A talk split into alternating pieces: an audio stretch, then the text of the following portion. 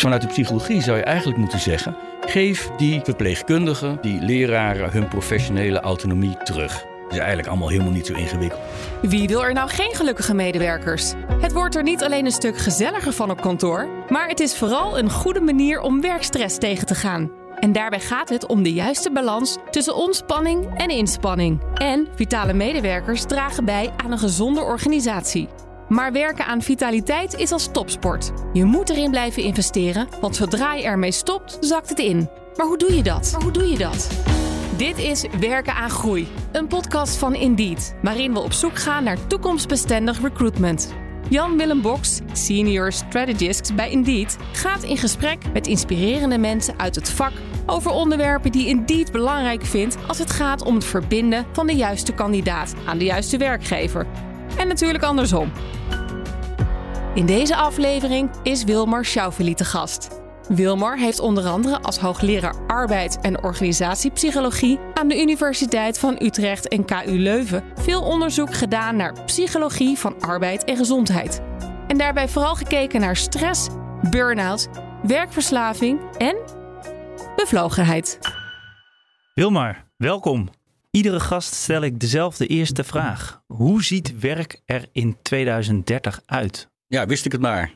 Het antwoord is eigenlijk dat weten we niet. Kijk, wat je kunt doen is uh, je kunt wat extrapoleren. En je kunt kijken naar wat zijn de trends en, en hoe zetten die zich door. Maar niemand had vijf jaar geleden verwacht dat we met een coronacrisis of met een oorlog zouden zitten. Dus we weten ook niet wat er in de komende pakweg zeven jaar of zo gebeurt.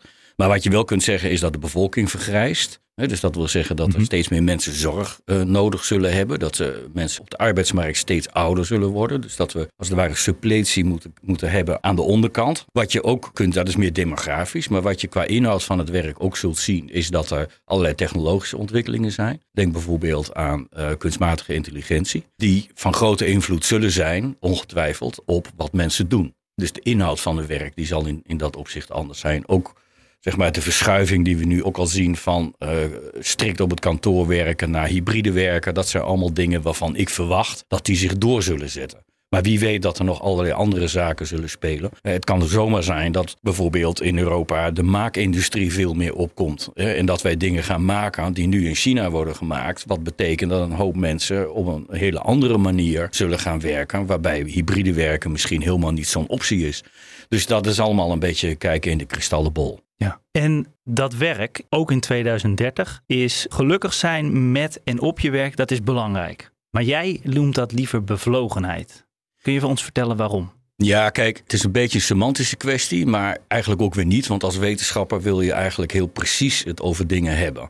En geluk is een beetje een hele algemene term. En bevlogenheid is specifieker. En als je wilt kun je daar oude filosofen bij halen. Aristoteles, die maakt bijvoorbeeld een onderscheid tussen wat hij dan hedonisme noemt. Hè, dus dat is gewoon, zou je kunnen zeggen, geluk. Vermijden van pijn en uh, leuke dingen doen. En hij, hij definieert ook een toestand, die noemt hij eudaimonia. Dat is een moeilijk woord, maar dat betekent eigenlijk dat je je potentieel realiseert. En dan ligt het geluk niet zozeer in de, in de beleving van nu dat het allemaal wel prettig, fijn en leuk is. Maar je bent pas echt gelukkig als je je potentie kunt realiseren. Dus als je uit jezelf haalt wat daarin zit. En dat is een diepere manier, een, een wat meer duurzame manier zou je kunnen zeggen, van geluk. En bevlogenheid zit veel meer in die sfeer. Dus bij bevlogenheid gaat het niet zozeer om voel ik mij nou gelukkig, voel ik mij nou prettig. Maar gaat het er veel meer om van heb ik een goede relatie met mijn werk? Krijg ik energie van mijn werk? Ben ik daar enthousiast over? Heb ik daar een hele duidelijke focus op? Kortom, het, het geeft veel meer een soort activiteit van mensen aan. En geluk is, is toch iets, zit wat meer in die sfeer van passiviteit. Van nou, jij bent gelukkig en je zit daar en je hebt een sigaar en een cocktail en je zit aan de rand van de pool en het is prima. Maar iemand die bevlogen is, die denkt van nou, hoe kan ik het beter maken? Hoe kan ik ervoor zorgen dat ik meer uit het werk haal? Dat ik mijzelf meer in het werk inbreng? Dus die is wat actiever. Dat is inderdaad een duidelijk verschil tussen geluk en, en bevlogenheid. Zijn er veel uh, bevlogen mensen in Nederland? Nou ja, het ligt er maar aan hoe je, hoe je daarnaar kijkt. Uh, er is een, een onderzoek gedaan een aantal jaren geleden door de Europese Unie. Waarbij alle landen van de Europese Unie, ook nog geassocieerde landen overigens, zoals Turkije en Servië, zijn onderzocht. En dan blijkt dat Nederland het meest bevlogen land is. En als je dan kijkt in Europa hoe die verdeling is, dan vind je dat vooral Noordwest-Europa, Nederland, België, Scandinavische landen, Frankrijk, Mhm. uh, die zijn veel meer bevlogen dan uh, Zuid-Europa. Met name op de Balkan. Daar is het met die bevlogenheid veel minder gesteld. Andere is dat je een soort percentage gaat bekijken. Dat is in die zin een beetje problematisch, omdat je dan ergens een, een streep moet trekken. Maar als je ja, alles een beetje wikt en weegt en kijkt, dan kun je zeggen dat zo'n 15% van de mensen in Nederland, die zou je als bevlogen kunnen beschouwen. Met als opmerking dat je dat een beetje met een korrel zout moet nemen en dat het afhangt van waar je precies de lat ligt. Ik hoor dus dat Nederland, Noord-Europa, Noordwest-Europa Mhm. is de meest bevlogen regio dan. Zijn daar overeenkomsten in die landen waardoor mensen meer bevlogen zijn? Ja, die zijn er. Dat heeft te maken met het niveau van welvaart. Dat heeft te maken met de manier waarop de, de maatschappij wordt bestuurd. Dus in landen waarin weinig corruptie is, waarin veel geslachtsgelijkheid is, waarin de democratie bloeit. In die landen die dus zeg maar goed worden bestuurd, die rijk zijn en die ook een individualistische cultuur hebben, waarbij mensen zelf aan het stuur zitten in plaats van dat ze zeg maar een speelbal zijn uh, van anderen. Nou, die elementen die vind je in die Noordwest-Europese landen terug, dus ook in Nederland. En daar hangt die bevlogenheid mee, uh, mee samen. Ja, dat komt dus vanuit de cultuur en de overheid. Mm -hmm. Ligt daar ook een rol voor werkgevers? Nemen Nou ja, die dat over? Of? Nou ja, dat vertaalt zich natuurlijk. Hè. Kijk, als, als het betekent dat in Nederland het, het, niveau van integriteit in vergelijking met andere landen in Europa relatief hoog is, dan Mhm. betekent dat dus ook integriteit op de werkvloer. En dat betekent dus ook dat er weinig corruptie is in vergelijking met andere landen. Waar het niet zozeer gaat om jouw prestaties, maar waar het gaat om relaties die je met andere mensen hebt. Dus in die manier moet je het zien. Het is niet alleen maar een regeringskwestie van uh, hoe je het land inricht, maar dat is ook een uitdrukking van de, de cultuur op de werkvloer in organisaties. Dus wij hebben hier in, uh, in Nederland, Noordwest-Europa, een, een vruchtbare grond wat dat betreft voor bevlogen medewerkers. Ja, zeker. Ja. En wat voor, voor positieve uitwerking heeft bevlogenheid op een mens en op een werknemer? Nou, daar is heel erg veel onderzoek naar gedaan. En uh, je maakt inderdaad al het onderscheid tussen de mens, dat is de, de individuele medewerker zelf, en uh, de organisatie. En het blijkt dat die beide wat aan bevlogenheid hebben. Dus individueel gesproken betekent het dat het een goede buffer is tegen iets als, als burn-out, uh, depressie, uh, hart- en vaatziekten en allerlei andere zeg maar, gezondheidsaspecten. dus het beschermt je eigenlijk tegen ongezondheid. Aan de kant van de organisatie blijkt dat mensen die bevlogen zijn, die gaan minder vaak weg bij de organisatie. Het ziekteverzuim is lager en de prestatie is beter van mensen individueel. En of dat nou het, het, oordeel is van de baas, of dat dat nou de oordeel is van jezelf, of dat het nou het oordeel is van collega's, het maakt eigenlijk niet zoveel uit. Maar Mhm. mensen die als bevlogen worden gezien, die presteren beter. Maar ook op het niveau van organisaties. Er zijn ook onderzoeken gedaan die laten zien als gemiddeld genomen in een organisatie. De mensen die er werken meer bevlogen zijn. Dan presteert die organisatie beter, ook in financiële zin. Dan maken ze meer winst. Dan worden er ook minder fouten gemaakt. Is de klanttevredenheid hoger. Dus dat zijn allemaal uitkomsten die, uh, die tamelijk hard zijn. En die bewijzen dat organisaties er goed aan doen om te investeren in uh, bevlogenheid. Sommige organisaties doen dat ook, maar dat is een soort welbegrepen eigenbelang. Ja, dat vertaalt zich dan ook dus in werknemers die uh, makkelijker kunnen worden aangetrokken en die langer blijven, begrijp ik. Ja, mensen zijn bevlogen als ze energie krijgen uit hun werk. Daar komt het eigenlijk heel simpel gezegd op neer. En wanneer krijg je energie uit je werk? Als een aantal dingen goed geregeld zijn. Dus als jij zelf kunt beslissen, in plaats van dat je alleen maar moet doen wat je baas zegt. Als jij hulp en steun krijgt van, uh, van andere mensen op de werkvloer, als je dat nodig hebt. Als je goed kunt communiceren met anderen. Als jouw leidinggevende uh, oog heeft voor jou. Als er een uh, sociaal veilig klimaat is. Als je feedback krijgt over je werk. Nou, er zijn een heleboel dingen te noemen die wij allemaal onderzocht hebben, die je kunt samenvatten als een goede kwaliteit van het werk.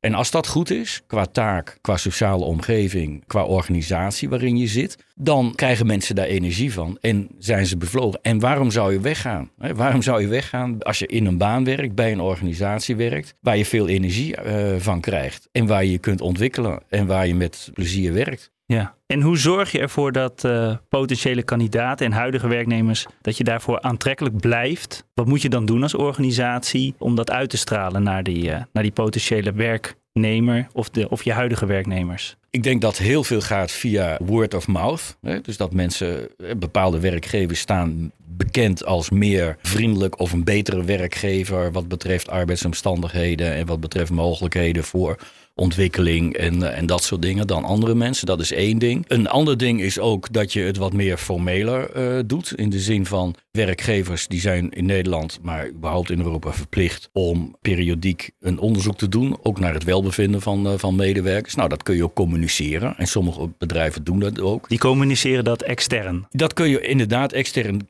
communiceren. Er zijn ook allerlei prijzen voor. Hè. Best Places to Work is er één. Kroon op het werk is er één in Nederland. Die een duurzaam personeelbeleid hebben. En daar valt dit dus ook onder. Ja. dus duurzaam investeren in je mensen, dat levert uiteindelijk bevlogenheid op. En op die manier kun je dat ook extern communiceren.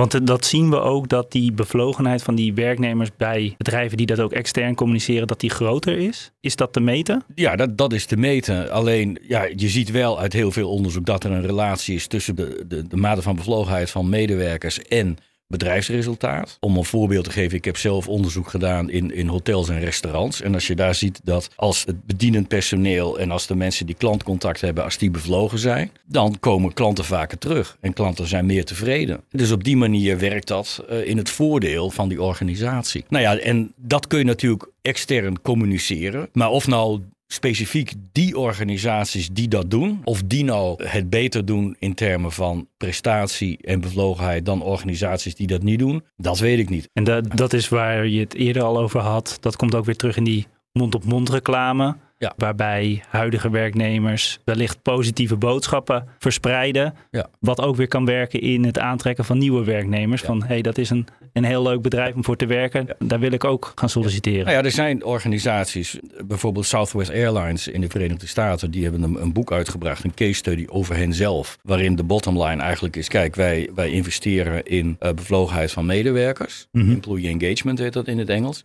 En daar ontlenen wij een betere business case aan. Want we hebben tevredene klanten, we maken meer winst enzovoort. En dat kun je ondersteunen. En dat hebben ze ook gedaan door videofilmpjes. Hè, van de, de Rapping Flight Attendant heet dat. Dat is een... Uh, steward? Uh, ja, steward, ja, precies. Die drill doet. Hè, die zegt van, nou ja, je moet zus en je moet zo, je moet dit, je moet dat. En je moet eerst het masker opzetten bij jezelf en dan bij het kind. En die doet dat op een, op een rap manier. En die betrekt het publiek erbij. Iedereen is in de klapper en zo. Nou ja, dat is het voorbeeld van een bevlogen medewerker. En dat hebben zij ook, zeg maar, in de etalage gezet. Dat zorgt dus eigenlijk, die bevlogen medewerker, voor een vliegwiel eigenlijk aan positieve bijdrage aan de organisatie. Want als ik dan hoor dat een, een rappende steward er is, dat levert een leuk filmpje op. Ja. Dat levert uh, weer uh, views online ja. op. Ja. Dat levert weer positieve aandacht op. Uh, mensen spreken erover, delen dat met elkaar. En je kunt het ook nog verder formaliseren. Je hebt in Amerika bijvoorbeeld, en dat concept wordt nu ook in Europa toegepast. Ik ben zelf ook betrokken bij een onderzoek daarnaar. Van de zogenaamde magnet hospitals. Dan denk je natuurlijk magnet hospitals, hoezo een magneet en een ziekenhuis. Nou, het idee is dat die ziekenhuizen aan een aantal voorwaarden voldoen. En dan krijgen ze het, het, uh, het predicaat van magneetziekenhuis. En dat is eigenlijk gekomen omdat er een heel erg groot tekort was aan verpleegkundigen. Want hebben ze nagedacht, hoe kunnen we dat tekort aan die verpleegkundigen als het ware omkeren? Hoe kunnen we mensen aantrekken als een magneet aantrekken? Nou, dan moet je dus investeren inderdaad in de opleiding, in de begeleiding, uh, ook in het aantal uh, verpleegkundigen wat je hebt. Dus de hele structuur moet je zodanig uh, veranderen in het ziekenhuis dat het aantrekkelijk wordt als verpleegkundige om daar te gaan werken. Mhm. En daar is dus een formele procedure voor. dan, moet je een aantal vinkjes zetten en dan, dan krijg je een soort certificaat. Net zoals als je een ISO-certificaat hebt. En het blijkt dat die, die magnet hospitals in de Verenigde Staten ook daadwerkelijk betere zorg verlenen dus je moet wel investeren in je medewerkers, maar uiteindelijk levert het ook wat op. Dus dat kun je ook in die formele zin doen. Dus dat mes snijdt ook aan twee kanten. Ze leveren betere diensten. Ja. En het is aantrekkelijker uh, werkgeverschap, waardoor ja. mensen in de zorg daar willen werken. Maar ja, de kost gaat voor de baat uit. Hè. Dus je moet wel investeren. En dat is natuurlijk vaak wel een ingewikkeld iets, omdat dat met kortere en lange termijn te maken heeft. Als jij kijkt naar het volgende kwartaal, dan denk je van ja, als ik nu uh, geld ga investeren in, in, die, in die bevlogenheid, ja, dan zie ik dat niet meteen volgend kwartaal terug. En ik ben het geld wel kwijt. Dus je, je, hebt een mindset nodig waarbij je zegt van ja, dit, dit zijn geen kosten, maar dit zijn investeringen. En die kan ik op, op de wat langere termijn kan ik die terugverdienen. Maar omdat er tegenwoordig een heel, met name in Anglo-Saxische bedrijven met aandeelhouderskapitalisme heel sterk de nadruk legt op snel uh, resultaat boeken staat dat op gespannen voet met zo'n soort benadering. Waarbij je wat, op wat langere termijn moet nagaan denken over ja, hoe wil ik dat ik mijn organisatie er over vijf of over tien jaar uitzie. Dus je moet daarin investeren. Ja, en nog even terug naar die, naar die zorginstellingen, de Magnet Hospitals. Ja. Zien we dat hier ook gebeuren in, in Nederland of in België? Dat er dit soort initiatieven zijn? Want we kennen allemaal de headlines op alle nieuwsites. Tekort aan uh, zorgpersoneel, de vergrijzing. Ik geloof dat er heel veel mensen bij de politie gaan uitstromen in de komende jaren. Er zijn heel veel organisaties die een grote uitdaging hebben om heel veel plekken in te vullen. Ja. Zijn die ook met zulke soort initiatieven bezig? In België wel, in Nederland niet. Uh, ik ben betrokken bij een, uh, een groot onderzoek wat gesubsidieerd wordt vanuit de Europese Unie. En dat het onderzoek bestaat eruit door Amerikaanse ziekenhuizen één op één te koppelen aan ziekenhuizen in, in België, in Zweden, in Engeland, in Ierland en in Duitsland. Nederland zit daar niet bij. Mm -hmm. En het idee is dat die, die paren van hospitals, dus het Amerikaanse ziekenhuis, gaat dat ziekenhuis in Antwerpen gaat dat helpen. In een soort learning collaborative heet dat dan. Van hoe, hoe pakken jullie dat aan? Want je kunt dingen niet één op één van Amerika naar Nederland of naar België vertalen. Want we zitten met een heel ander zorgsysteem, met andere financiering, met andere kwalificatieniveaus en uh, al dat soort van dingen. Maar je kunt natuurlijk wel kijken hoe kunnen Amerikaanse magnet hospitals hun basisfilosofie overbrengen en, en daar ook bij helpen om dat te implementeren. En dat zijn we nu aan het onderzoeken, waarbij we dus ook gaan kijken naar de bevlogenheid van medewerkers. Hè. Neemt die nu ook toe? En hoe zit het dan met de patiëntenzorg? Wordt die ook beter?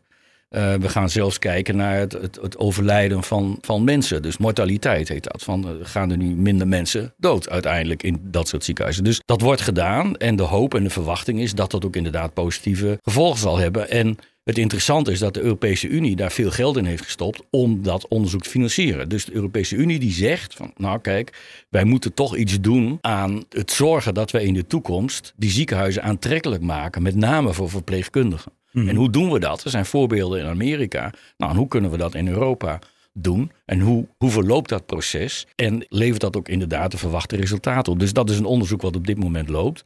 En ik verwacht en ik hoop dat daar inderdaad positieve resultaten uitkomen. En dat dat dan ook vervolgens een voorbeeld is om ook in Nederland te zeggen van nou, kunnen wij ook opschuiven in die richting? En wat moeten we daarvoor doen? En wat kunnen we leren van die andere hospitals, in dit geval in, uh, in Vlaanderen? Ja, dat zou dan een blauwdruk kunnen zijn voor hoe wij dat uh, zouden kunnen uitrollen. Ja, waarbij ik wel moet zeggen, kijk, discussie is altijd heel interessant. Omdat we eigenlijk, als je, als je kijkt naar de wetenschap, sinds pakweg midden jaren 70, eind jaren 70, weten we eigenlijk wel hoe een goede werkplek eruit moet zien. Het is eigenlijk allemaal helemaal niet zo ingewikkeld.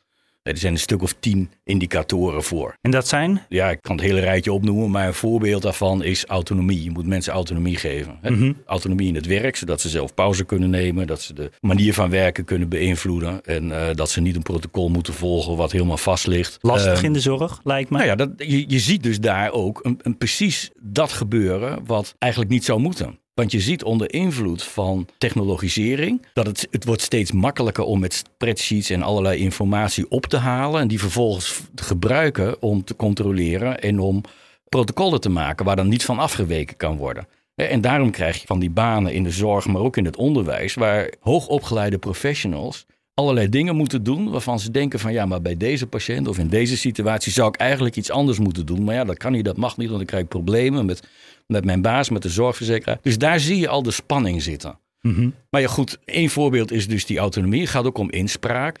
Uh, een ander belangrijk uh, punt is dat de sociale interacties op de werkplek, daar weet ook een heleboel van. Steun is belangrijk, sociale veiligheid is belangrijk, communicatie is belangrijk, feedback is belangrijk. Nou, het zijn allemaal dingen die we al lang weten. Alleen het probleem zit hem er vaak in, hoe implementeer je dat? Wij weten dat veel autonomie belangrijk is, dus vanuit de psychologie zou je eigenlijk moeten zeggen, geef die verpleegkundigen, die leraren hun professionele autonomie terug. Alleen is dat heel erg lastig. Want dat betekent ook een risico. Als je mensen autonomie geeft, zou er ook iets mis kunnen gaan. Als psycholoog zeg ik dan oké, okay, dan moet je het systeem zo inrichten dat je daarvan kunt leren. En dat je niet bij elk incident, als een keer iets niet goed gaat, dat je dan hoog in de gordijnen zit en zegt, oh, maar dat moeten we weer dicht regelen, want, want zo gaat het nu natuurlijk. Hè. Het is een incident, pers duikt erop, uh, allerlei andere mensen en dan wordt er weer een regel bedacht, waardoor dat in de toekomst niet weer gaat gebeuren. En dan uiteindelijk zit je met een werksituatie waarin er zoveel regels zijn, dat je uiteindelijk, wat in de zorg nu ook aan de, aan de gang is, waarbij je als het ware moet, weer moet ont, nou, niet ontregelen, maar moet dereguleren. Nee, schrappen. Er zijn nu initiatieven in, uh, in ziekenhuizen uh, en in gezondheidsorganisaties, uh, zogenaamde schrapsessies. Ja. Waarbij er wordt gekeken van welke regels zijn nu eigenlijk onzinnig en leveren een heleboel tijd op en hebben we helemaal niet nodig. Die kunnen we schrappen. Dat kunnen organisaties zelf al tot op zekere hoogte kunnen ze dat doen. Ja. Maar er zijn ook regels die ja, te maken hebben met bijvoorbeeld financiering, waarbij een zorgverzekeraar gewoon eist dat dat gebeurt. En dan ligt, het, ligt de bal bij de zorgverzekeraar of die ligt bij de overheid. Ja. Dus het is aan de ene kant vanuit de psychologie gezegd, kun je zeggen van ja, wij, wij kunnen best een, een ideale werkplek maken. Dat is helemaal niet moeilijk. Dat, dat heb je zo op papier gezet. Dat, sterker nog, dat is er al. Dat weten we. Uh, alleen, hoe pas je daar de huidige werksituatie in. Het is geen kennisvraagstuk, want de kennis is er. Het probleem is alleen hoe implementeer je die kennis. En daar zit hem uh, de crux, omdat dat dan botst met allerlei andere belangen en allerlei andere praktijken. Theorie en praktijk liggen nog uit elkaar, hoor ik. Om het ja, kort, dat, is, dat, is inderdaad, dat, dat, is inderdaad een simpele manier om het uh, te zeggen, maar je hebt, uh, je hebt volkomen gelijk. Ja. ja. En dus we zitten daar wel met een enorme krapte in die zorg, in het onderwijs. Zie jij daar mogelijkheden voor werkgevers om daar nu al op in te springen, wat zij daarmee kunnen doen? Nou, het, het eerste punt is dat je moet kijken van waar, waarom gaan mensen niet werken in de zorg? Of waarom uh, gaan mensen weg uit de zorg en weg uit het onderwijs? Uh, dat is eigenlijk nog veel erger, vind ik zelf. Dat je wel mensen binnen hebt, maar die blijven dan niet. Nee. Nou, dan is het dus echt helemaal mis, hè? Waarom gaan mensen weg of waarom komen mensen niet? Nou, dat, dat heeft te maken met de waardering die mensen krijgen, die mensen voelen. En salaris is daar een onderdeel van. Er zit een hele belangrijke waardecomponent aan. Van eh, je wordt gezien, je wordt gewaardeerd, dat is belangrijk. En dat mensen ook de flexibiliteit hebben om uren aan te passen. Dat is ook een hele belangrijke. Dus dat je, dat je zorgt van ja, hou rekening met individuele uh, verschillen tussen mensen. Uh, mensen met opgroeiende kinderen, mensen die mantelzorg hebben. En probeer zodanig roosters te maken dat je daaraan tegemoet komt. Want dat is vaak ook een probleem. Dat, dat mensen dat niet kunnen combineren. Dus die werk-thuisbalans, dat is een, een hele belangrijke. Kijk ook naar ontwikkelingsmogelijkheden van mensen. Met name in het onderwijs is het vaak heel erg moeilijk. We, vragen van mensen om met 4,25 uh, voor de klas te gaan staan. En ja, in essentie blijft het werk tot je pensioen eigenlijk een beetje hetzelfde. Want je staat ja, voor de klas of je bent met een groep leerlingen bezig die je wat bij probeert te brengen. Ja, dan moet je wel heel creatief zijn om te zorgen dat mensen het gedurende die hele loopbaan met plezier en, en productief kunnen blijven doen. Kijk, en de, aan de positieve kant, mensen in de zorg en mensen in het onderwijs, überhaupt mensen die gaan heel vaak naar het werk vanwege collega's. Dat sociale aspect op het werk, dat is heel erg belangrijk. Er zit ook een valkuil aan, dat mensen vaak te lang doorgaan omdat ze hun collega's niet willen belasten. Dus zelf kunnen ze eigenlijk niet meer, maar ze gaan toch nog maar naar het werk. Want anders dan moeten die collega's meer werken en dan branden ze zelf op. Dus dat, dat is een, een, een hele belangrijke positieve factor.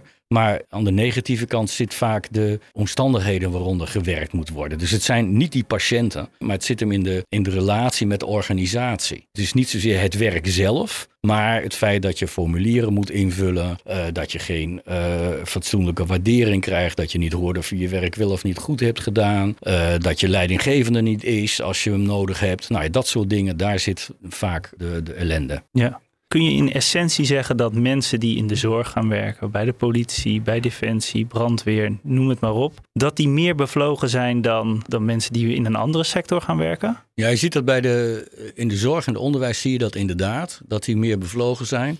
Je ziet in het onderwijs en in zekere zin ook in de zorg, zie je ook dat dat de beroepen zijn met het, het hoogste burn-out risico. dus aan de ene kant heb je hele enthousiaste mensen. Aan de andere kant heb je mensen die op hun tandvlees lopen. En dat heeft waarschijnlijk ook wel met elkaar te maken, omdat op een gegeven manier dat, dat enthousiasme van mensen, hè, want waarom ga je werken in de zorg? Ja, je wilt toch iets betekenen, je wilt iets doen. Er zit toch een soort doel achter wat groter is dan jezelf. Je wilt bijdragen aan betere gezondheid eh, van mensen, aan levensgeluk van mensen. Ja, en dat wordt op een gegeven moment wordt dat gefrustreerd. En dan gaan mensen weg. Dan kiezen ze voor die oplossing. En zijn dat dan ook de mensen die lijden aan eh, workaholisme? Spreek ik dat goed uit? ja, workaholisme. Ja, dat is een, een beetje knipoog naar alcohol alcoholisme. Omdat het ook een soort verslaving is. Ja. Of een soort, het is een verslaving in de zin van dat het een, ja, een dwangmatige manier van heel hard werken is. Dat Heel hard werken is op zich eigenlijk niks mis mee. Want je kunt hard werken voor, om verschillende redenen. Omdat je eh, een hypotheek hebt, eh, omdat je het werk heel leuk vindt, omdat je ruzie met je partner hebt en je liever eh, op het kantoor zit of zo. Er zijn allerlei redenen voor. Maar als dat obsessief wordt, je kunt niet meer anders en je voelt je, en dat is de kern, je voelt je heel nutteloos. Je voelt je eh, zenuwachtig. Je voelt je niet happy op het moment dat je niet werkt. En dan is de enige manier is om te gaan werken. Dus in die zin lijkt dat een beetje op alcoholisme. Een alcoholist, als hij niet drinkt, voelt hij zich lullig en dan gaat hij drinken. Nou, een workolist, als hij niet werkt, voelt hij zich lullig, gaat hij werken. Met als resultaat dat de balans tussen inspanning en herstel wordt verstoord. Waardoor hij zichzelf letterlijk uitbrandt. Hè? Want burn-out is in feite eh, een crisis in je mentale energie. Die is er dan niet meer. Nou, als je maar lang genoeg doorgaat op dat pad. Dan, eh, en dat, dat blijkt ook wel uit onderzoek wat we hebben gedaan. Dat workolisme is, ja, dat dwangmatige met name. Dat is een hele goede voorspeller van, eh, van burn-out. Ja. Dus die balans tussen werk en privé is heel belangrijk. Maar wat is die juiste balans? Is daar een kantelpunt? Dat ligt voor iedereen wel een, een heel klein beetje anders. Je hebt eigenlijk twee soorten mensen. Je hebt mensen die compartimentaliseren, zoals dat zo mooi heet. Die zeggen van, nou ja, ik werk en dan ga ik om vijf uur naar huis en dan doe ik ook niks meer tot maandag. En je hebt mensen die dat niet doen en die dat in elkaar over laten lopen. Mhm. En die zeggen van, ja, ik ben nu wel aan het werk, maar ik ga nu even naar de kapper, want dat komt me even goed uit. En in het weekend eh, ga ik wel aan dat rapport werken. Dus eh, ja, je moet altijd rekening houden met dit soort individuele verschillen. Sommige mensen vinden het heel fijn dat het door elkaar heen loopt. Voor andere mensen is dat helemaal niet zo. Hè, maar wat wel heel erg belangrijk is, is dat, dat er een, een, een soort voorbeeld is, met name van direct leidinggevenden. En daar gaat het nog wel eens een keer fout. Dat die aan de ene kant communiceren van ja, het is wel belangrijk eh, thuis, je moet ook ontspannen. Maar dan om vrijdagmiddag een mailtje sturen en dan eigenlijk een beetje verwachten dat zaterdag of zondag een antwoord komt. En dan moet je dus niet doen. Je moet dus wel als organisatie in principe die grenzen aangeven. En dat het voor sommige mensen dan anders ligt dan voor anderen, dat is wat, dat is wat meer maatwerk. Maar het is wel van belang om als organisatie aan te geven van ja, je, wij verwachten van jou dat je hier veel werk levert, maar wij vinden het ook belangrijk dat je andere dingen doet naast je werk. Wordt de werk daarmee meer maatwerk? Zullen werkgevers daarmee rekening mee moeten houden? Ja, dat in ieder geval, omdat je ziet dat de, de groep werknemers die gaat steeds meer diversificeren. Dus je ziet steeds meer specifieke groepen gaan ontstaan. Ouderen, niet eh, jongeren, mensen met een arbeidshandicap, mensen zonder arbeidshandicap, met verschillende soorten eh, arbeidshandicaps. Eh, mensen met bepaalde etnische achtergronden, die dan ook weer verschillen. Want de ene etnische achtergrond is weer anders dan de andere. Mensen met een hoge en een lage opleiding. Dus kijk, vroeger was het veel meer een, een grote brei. Was er ook veel meer homogeniteit.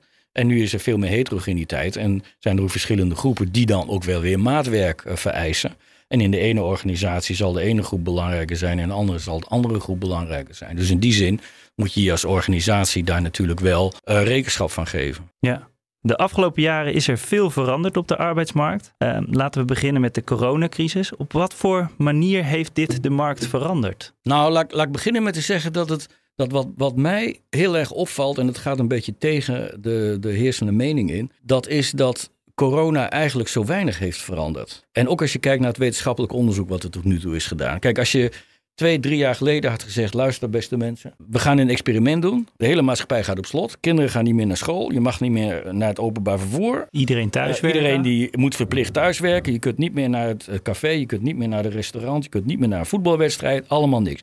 Nou, dan was de wereld te klein geweest en iedereen had gezegd, dat overleven we niet. Massale zelfmoord, iedereen schiet in de depressie, ontstaat een gigantische oproer. En wat is er gebeurd? We zijn twee jaar verder. Mensen die vliegen weer alsof uh, vanaf Schiphol alsof er niks aan de hand is. Mensen die gaan weer gewoon naar hun werk. Een heleboel mensen zijn het bij wijze van spreken alweer vergeten. En als je naar de cijfers kijkt, dan zie je dat er, als er al een, een, een dipje in de bevlogenheid zit of in de burn-out zit, dan is dat een heel klein, bijna te verwaarlozen uh, dipje. En dat zijn meerdere onderzoeken die dat laten doen. Dus wat dat voor mij aangeeft, is dat mensen heel weerbaar zijn. Hè, en heel veerkrachtig zijn. Dat is geweldig. En als psycholoog word ik daar eigenlijk wel blij van. Dat laat onverlet dat er op de werkvloer wel dingen zijn veranderd. En dat zit dan met name, denk ik, in dat hybride werken. Ja. En het interessante ook daar is dat, dat het heeft, corona heeft voor versnelling gezorgd. Ja. Kijk, aan de universiteit waarin ik werk, daar zijn we al heel lang bezig met digitaal onderwijs. Dat is al wel 10, 15 jaar. Uh, in de psychologie kennen we virtual leadership, virtual teams. Daar wordt ook al 20 jaar onderzoek naar gedaan. Uh, hoe is het nou om een, een team te hebben wat virtueel bij elkaar is? Nou, dat heeft niet toegeleid tot een doorbraak. Maar dat heeft corona wel. En nu hebben mensen gezien dat het thuiswerken, het hybride werken ook grote voordelen kan hebben. En dat het daardoor ook aantrekkelijk is om te doen en om dat ook te blijven doen. Maar ook hier gaat het weer natuurlijk om maatwerk. En in de ene organisatie zal dat beter kunnen dan in de andere. Het verschilt ook voor mensen. Als je mensen hebt die heel extravert zijn en die heel erg bloeien in sociale omgeving, eh, met vrienden, met kennissen, met collega's, ja, die vinden thuiswerken toch iets minder prettig. Maar goed, er zijn ook grote voordelen van. Hè. Autonomie, die neemt toe. Hè. Mensen hebben nu ook aan de lijve ervaren dat het eigenlijk ook wel prettig is.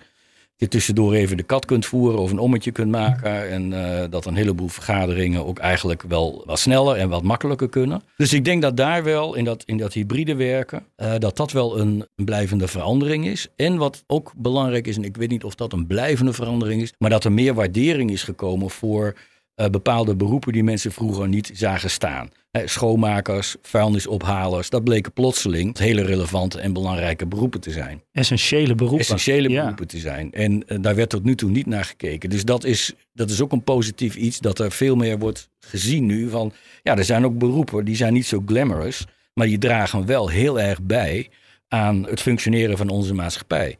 En misschien dat we daar wat meer oog voor moeten hebben. Dat we die mensen ook wat meer moeten betalen. Dat we die mensen ook wat meer zeggenschap in hun werk moeten geven. En dat we daar wat beter voor moeten gaan zorgen. De hoop is ook dat dat dan echt consequenties gaat hebben. En dus ook die, door die waardering uit te spreken en ook financieel te waarderen, die bevlogenheid aan te wakkeren. Ja, zeker. Ja. zeker. Ja. Wilmar Schauffeli, arbeids- en organisatiepsycholoog, klinisch psycholoog en hoogleraar arbeids- en organisatiepsychologie aan de Universiteit Utrecht en de KU Leuven. Dankjewel voor je komst. Graag gedaan. Dit was Werken aan Groei, een podcastserie van Indeed over recruitment van de toekomst. We hopen dat we je geïnspireerd hebben. Wil je meer horen? Luister dan vooral ook naar alle andere afleveringen. Bijvoorbeeld die waarin Steven van Bellegem te gast is. Hij is expert op het gebied van customer experience en weet als geen ander welke barrières er kunnen zijn in het zoek- en vindproces en vooral hoe je deze wegneemt. Zijn missie is om bedrijven te inspireren om klantgerichter te worden. En tijdens die missie heeft hij inmiddels vijf internationale bestsellers geschreven, waaronder The Offer You Can Reviews. Werken aan groei is te vinden op bnr.nl, Spotify, Apple Podcast en indeed.nl/inspiration. Dank voor het luisteren.